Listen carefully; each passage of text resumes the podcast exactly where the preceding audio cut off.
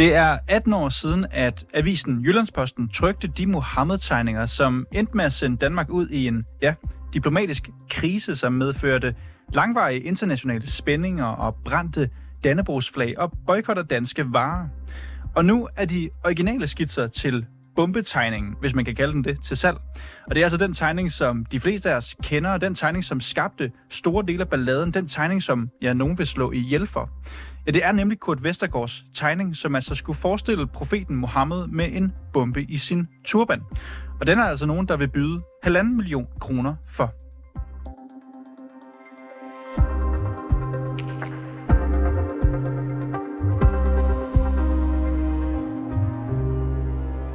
Og i den forbindelse har vi fået dig med her over en telefon. Erik Gullager, velkommen til. Tak skal du have. Erik, du er galleriejer, og så har du været gallerist for netop Kurt Vestergaard i, og du må rette mig, hvis jeg tager fejl, 16 år. Du kendte også Kurt, Kurt Vestergaard personligt, ved jeg. Først og fremmest, Erik, er det vemodigt for dig, at de her tegninger, de nu skal sælges? Ja, det er det faktisk lidt delvis, men øh, jeg vil indledningsvis lige sige, at nu hørte jeg, at du siger, at tegningerne skabte uro.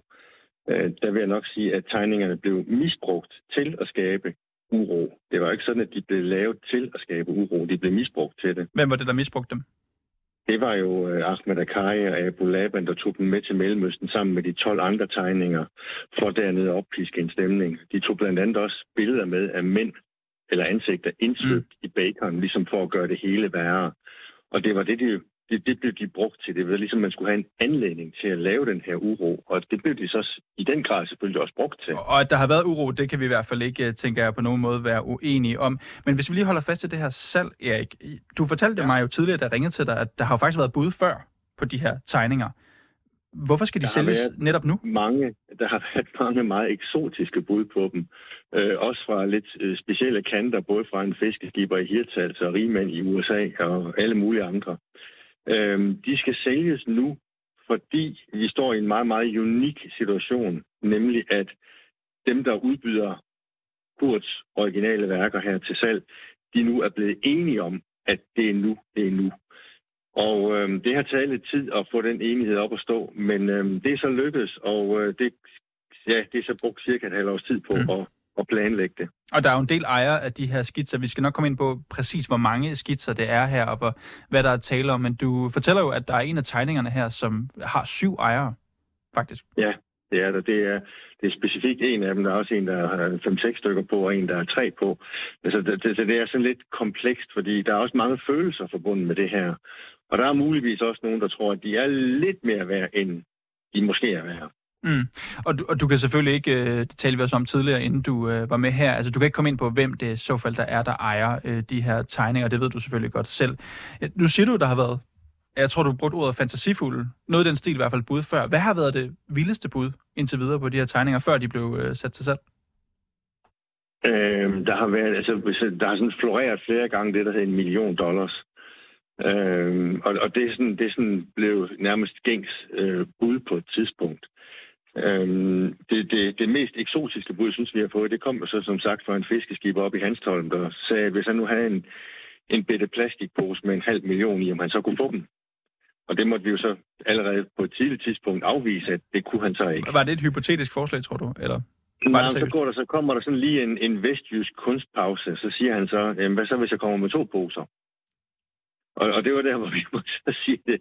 Tak, men, men nej tak. Det, det er ikke det, der er, er til salg lige nu, og en million kroner, det rækker ikke ret langt. Mm. Og det var tilbage i 2010, tror jeg. Og, og nu kan man så gå ind på det her øh, auktionshus, det hedder KW Icons, øh, hvor man kan se, at der er, så vidt jeg kan se, tre kasser med, med den her øh, bombetegning, hvis jeg bare kan kalde det det, fra Kurt Vestergaard sat til salg. Når man går ind og kigger, så er der jo budt 200.000 euro på hver af dem. Det svarer jo til lige knap halvanden million kroner. Det vil jeg så sige, bare for at gøre det klart over for lytterne, så må du igen rette mig, Erik, her. Altså, der er simpelthen personer, som har budt på hver af de her tre, altså udbydende, udbudte tegninger her, der har budt halvanden million kroner på dem hver. Det er korrekt. Når jeg kigger på de her tegninger, de, man kan se, de ligger i sådan en meget fin kuffert og så videre. De, de ser jo i virkeligheden næsten ens ud. De altså, det ja. ligner simpelthen den samme tegning, når jeg kigger på dem, altså de her tre, men det, jeg kan forstå, at det er tre forskellige. Prøv lige at forklare, hvad er det, der sælges helt præcist? De ser endda påfaldende ens ud. Øhm, det, der sker, det er, at da Kurt i sin tid laver Mohammed-tegningen, der står han faktisk og er presset på tid. Han er ude på toilettet på Jyllandsposten og møder chefredaktøren. Og øh, han får så fortalt Kurt, at der er altså deadline kl. 14 den dag. Og Kurt skynder sig så at vaske fingre og tørre hænderne i sin serviet ud fra toilettet af. Og det gør han et par gange, og så tager han yderligere en serviet ud og på sit kontor, og der slår han så det, der hedder den blæktegning, alt i sort, op på den. Og så gør han det, han ofte gør, når han skal arbejde videre. Så går han ud og tager fem kopier på en kopimaskine af tegningen, som han så smider mm. væk. Så har han det fundas, det grundlag til at arbejde videre på. Og der arbejder han så på fem Mohammed-tegninger, som han sidder og arbejder på med forskellige farver, forskellige farvelægning, indtil han synes, at her er den, det er den, vi vil gå videre med, og så ryger den så i trykken. Så med andre ord, så det er derfor, det, det du siger, det er, det er, der er en original tegning, en toilettegning, kunne man kalde den, og så fotokopier, ja.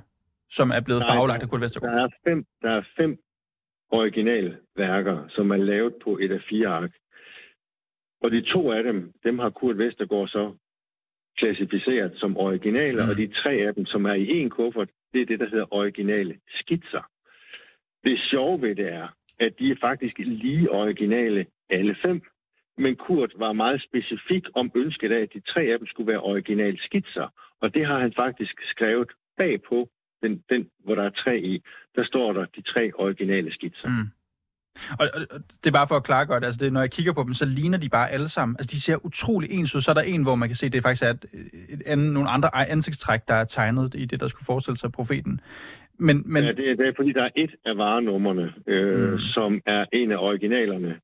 Der er der også en tegning med fra 1994, som var den første Mohammed-tegning, Kurt nogensinde lavede. Og det lot er der så to mennesker, der er gået sammen om at udbyde fælles, og det er også Godt. et af de hvad skal man sige, meget attraktive lots. Og Erik, øh, nu er der budt, altså hvad der svarer til halvanden million kroner, 200.000 euro her, på hver af de her.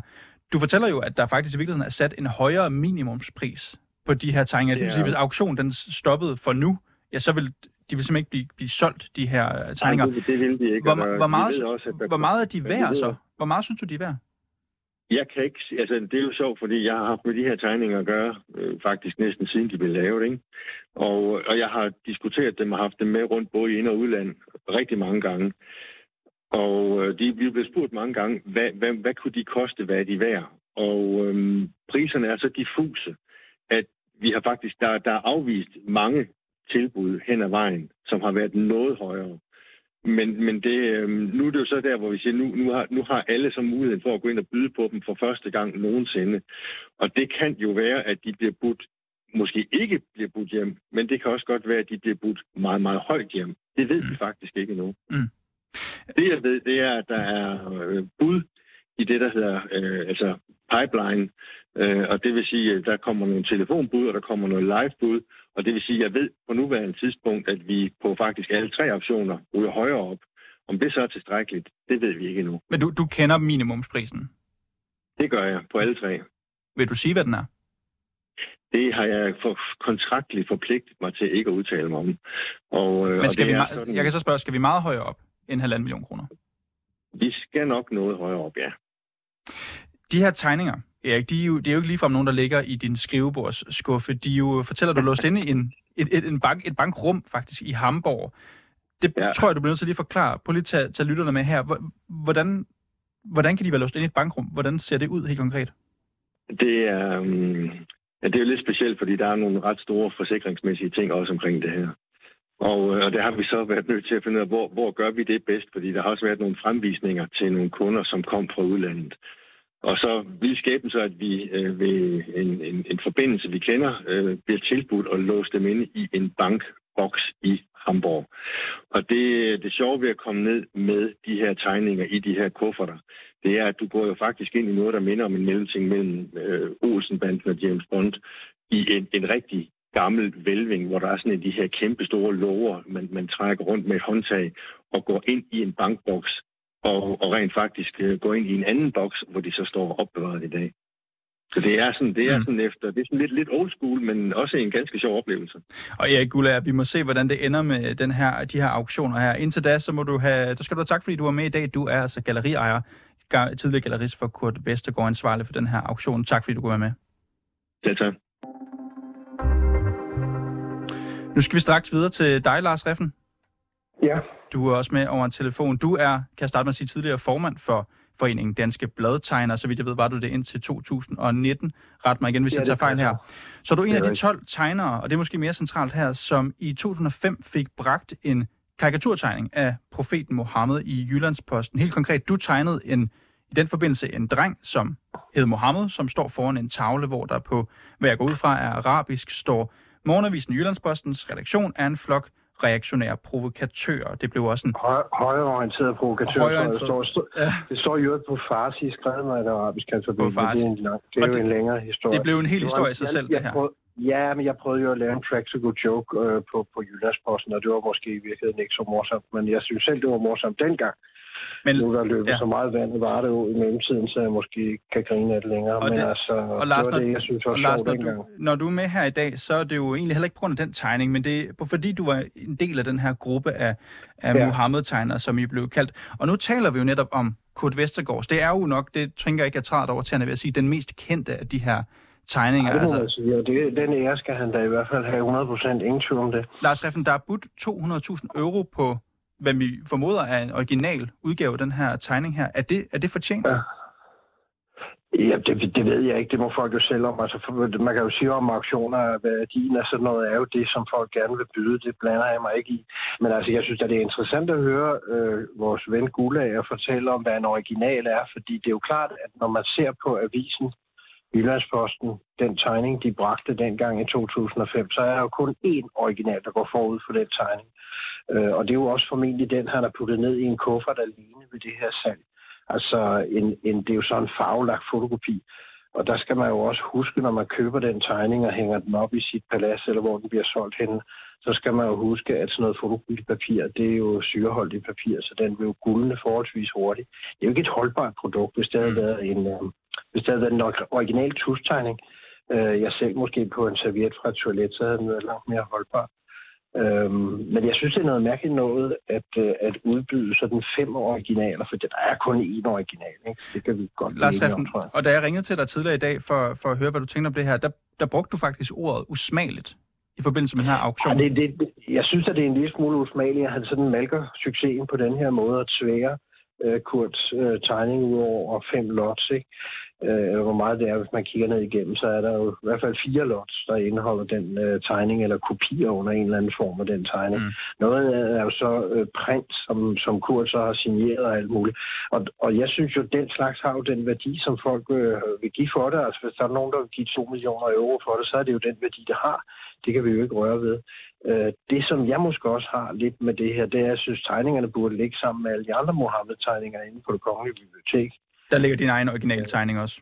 Ja, altså, i, i, jamen, jeg har det jo lidt ligesom øh, Kurt, når jeg laver min tegning. Jeg har heller ikke sådan en, en, en nal- eller skudsikker øh, original, fordi min farvelægning foregik digitalt. Ikke? Men altså, jeg har afleveret en tustegning, øh, som så senere er blevet viderebearbejdet digitalt. Men det korte og lange er, at i 2007, der afleverede 10 ud af de 12 Mohammed-tegninger, eller mm. tegner deres originaler til det kongelige bibliotek. Mm. Og der, der synes jeg sådan set også, Kurts tegning hører til. Og Lars øh, Reffen, det, jeg skal lige, nu afbryder jeg dig lige her, for jeg skal bare lige høre, i et andet interview har, har Erik Gula i forbindelse med den her auktion sagt, at han i virkeligheden håber, at de her tegninger, som han ser som værende en vigtig del af Danmarks historie, måske ender med at blive udstillet på Christiansborg eller Nationalmuseet. Synes du, de fortjener ja. det? Det vil historien jo vise. Altså, så vidt jeg husker, så er de her tegninger, som de ligger inde på det kongelige bibliotek lige nu, der er de klausuleret i 50 år fra afleveringstidspunktet, som var i 2007. Ikke? Øh, men man kan, altså, jeg ved heller ikke, om, om tiden vil huske Mohammed-krisen, og det bliver glemt. Sådan er det jo med den slags. Øh, nu er der en generation, som har oplevet Mohammed-krisen og alt, hvad det trak med sig. Øh, men når den generation er borte, så er det jo et spørgsmål, om der er nogen, der overhovedet gider interessere sig for verdenshistorien på den måde, som vi gør i dag. Mm. Øh, det kan kun tiden vise, ikke? Kunne du selv finde på at byde øh, på Kurt Vestergaards tegning? Og jeg har, jeg har ikke den slags penge på nogen måde. Man bliver ikke så rig af at være bladtegner. Så, så den mulighed har jeg ikke. Men jeg synes at han skulle tage den, der er den mest originale, og aflevere den til det kongelige bibliotek. Der synes jeg, den hører til. Og så kan han tjene sine penge på sine fotokopier, som han vil. Betyder de her Kurt Vest, den her Kurt Vestergaard-tegning, betyder den noget særligt for dig, Lars Reffen? Nu sagde jeg jo indledningsvis, at du er jo en af de her 12 tegnere, som, som fik til opgave her at lave en karikatur.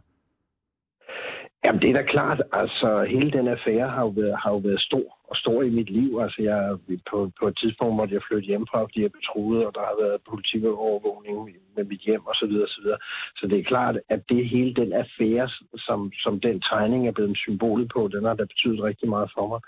Øh, de, de, de 11 andre tegninger er jo, er jo jeg havde nær sagt gudskelov, men altså, de er jo formentlig fuldstændig glemt. Ikke? Men altså lige præcis den her tegning er jo blevet sådan et, et, et ikon for hele den affære, og alt hvad det trak med sig af diskussioner. Mm. Øh, og det har jo været sådan et, altså det er jo et forholdsvis uafklaret forløb, øh, som man vil blive ved med at diskutere formentlig længe endnu. Ikke? Mm. Det er jo også øh, ikke nogen hemmelighed, at det her det har været øh, farlige tegninger, i hvert fald for Kurt Vestergaard at lave. Bare sådan helt kort, Lars ja, Ser ja, du nogen risici okay. ved, at man begynder at sælge det her? Nej, det, det, har jeg ikke. Det har jeg ikke nogen mulighed for at vurdere. Det er der nogen, der kan vurdere meget bedre end mig. Men altså, jeg, jeg, jeg, jeg kan da grine lidt smule af hele setupet. Jeg vil anbefale lytterne at gå ind og se på den der auktionsside, hvor man altså har, har, har lagt de der tegninger først i en ramme, og så i en edeltræskasse som er fyldt med skumgummi, og så er den edeltræskasse lagt ned i en stålkasse, som så ligger på sådan et råt gulv, øh, en eller anden hangargulv, kunne man forestille sig, eller hvad det er. Det er sådan hele setupet er jo, er jo lavet sådan meget mystifistisk, mm. så det hele skal virke, som om vi får, vi får et indblik i virkelig, øh, virkelig hemmeligheden. Men, men jeg vil så sige en anden ting. Jeg synes, det er ret interessant at se Kurt Vestergaards tegning fra 1994, eller hvornår det var, at jeg sagde, den var fra. Øh, fordi den, den er jo sådan lidt savnomsbunden, fordi der Kurt bragte sin, afleverede sin tegning til Jyllandsposten, og vi så den på siden, så var der nogen, der sagde, den har vi skulle have set før, den tegning. Øh, og det havde de jo så ikke. Men det, de havde set før, var nøjagtigt den samme idé. Han har jo ligesom planket ideen fra sig selv. Mm. Øh, og, Lars og, og det er jo fuldstændig, og det, det er helt legalt som bladtegner at gøre sådan noget. Men, men det er sjovt at se den, den tegning fra 94. Det er det nemlig. Og Lars Reffen, jeg afbryder dig her, fordi man kan jo gå ind og se den på auktionshuset, man kan da byde ja, på den, hvis man, man har gøre. pengene. Ja. Men indtil da, bladtegner, illustrator Lars Reffen, tak fordi du kunne være med her i dag. Tak selv. Og nu springer vi straks videre til dig, Frederik Vad. Velkommen til. Tak skal du have. Frederik, øh, til at starte med, du er udlændingeordfører for Socialdemokratiet. Mm. Du sidder i Folketinget for selv samme parti. Mm. For i år, der foreslog din partikollega Per Husted at øh, forbyde krænkende mm. Mohammed-tegninger. Du sagde dengang til mediet Kontrast, jeg ønsker ikke at sige noget uden for egne fire vægge i øjeblikket. Er du glad for, at de her originale skitser fra Kurt Vestergaards hånd nu igen bliver vagt til live og faktisk sat til salg? Ja, jeg synes, at det kun er positivt, at øh, de bliver vagt til live, fordi det er en vigtig diskussion, øh, og de repræsenterer en fuldstændig afgørende begivenhed i Danmarks historie, som jo er i kategorien under øh, besættelsen og øh, andre begivenheder øh, af, af samme størrelse. Øh, så jeg synes, det er øh, vigtigt, at de bliver vagt til live. Mm. Øh, og jeg håber da, at, øh, at dem, der øh, får fingrene i de her Mohammed-tegningerne, de her Mohammed-tegninger gør dem offentligt tilgængelige på en eller anden måde, gør, øh, sætter dem i en ramme, hvor flest mulige mennesker har, har mulighed for at se dem og, og tage stilling til dem. Hvad, hvad kunne det være for en ramme? Jamen, det kunne jo være en udstillingsramme, for eksempel. Øhm, det vil jeg da personligt øh, synes var, var kærkommet, eller hvis det indgår i en privat samling, at den så i hvert fald på en eller anden måde kan, kan tilgås af mennesker, der er interesseret i at vide mere om den her fuldstændig afgørende mm. konflikt. Altså gallerist Erik Gullager, som står for den her auktion, han kendte også øh, Kurt Vestergaard, da, da tegneren Kurt Vestergaard her var i live. Mm. Han drømmer jo lidt om, at de her tegninger kan blive udstillet på Christiansborg. Mm. Nu ved jeg jo ikke, hvordan det fungerer, om Christiansborg lige kan købe de her tegninger. Det går ud fra, pengene er der nok, hvis det skulle være. Vil det være en god idé at udstille dem, for eksempel på Christiansborg? Det er jo en holdning, præsidiet øh, må tage stilling til, øh, og det har vi jo ikke nogen holdning til i Socialdemokratiet. Øh, så, så det skal ikke... Øh, Jamen, vil du, vil du være glad for det, hvis det var? Nå, men jeg, altså, jeg vil ikke have noget problem med, at de bliver udstillet på Christiansborg. Altså, hvis de bliver udstillet på Christiansborg, så vil jeg da øh, invitere besøgsgrupper ind og, og vise dem frem øh, i forbindelse med nogle rundvisninger. Men det er ikke øh, en, en holdning, øh, altså det er ikke noget, Socialdemokratiet har taget stilling til. Det er for egen regning, du siger det. Det må, det må, altså nej, det, altså, jeg er da sikker på, at mange af mine kolleger i mange forskellige partier vil, øh, vil øh, lade de her tegninger indgå som led i en rundvisning, hvis de var herinde. Men Socialdemokratiet har ikke nogen holdning til, om de skal herind. Og der må jeg henvise til vores præsidiemedlem, Leif Lahn Jensen. Mm. Frederik, hvad, nu der er jo blevet budt, der er tre forskellige udgaver af de her originale skitser, som Erik Gullager, galleristen han kalder dem. Der er blevet budt 200.000 euro. Mm. Det svarer til halvanden million kroner, hvis man går ind på en lille en omregner her. Synes du, de er det værd? Ja, det synes jeg da.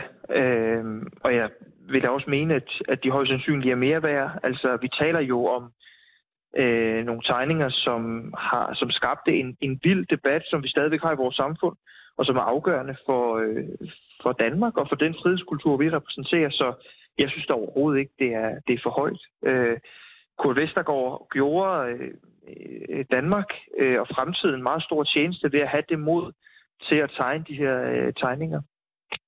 Synes du, Mohammed-tegningerne er kunst? Ja, i den grad. Hvis du selv havde pengene, det, nu skal jeg jo overhovedet ikke tale om din økonomi her, Frederik Vade, men jeg kan sige for egen regning, jeg har ikke lige halvanden millioner ligge i det. Lad os sige, du har en Joachim Fernand pengetank et sted. Mm. Hvor meget vil du være villig til at give for en original Kurt Vestergaard turban-tegning? Åh, oh, det, det ved jeg ikke. Men altså, jeg vil nok være, være villig til at give væsentligt mere, end mit årlige julegavebudget øh, er på. Så jeg vil, jeg, jeg vil, øh, altså jeg vil nok også byde, byde dig op af, men jo ikke i den klasse der. Frederik Vad, du er udlændingeordfører og folketingsmedlem for Socialdemokratiet. Tak fordi du går med her i dag. Selvfølgelig. Og bag det her indslag var jeg selv, Niels Frederik Rikkers, og Jakob Pedersen, som også er dagens producer. Mille Ørsted, hun er redaktør.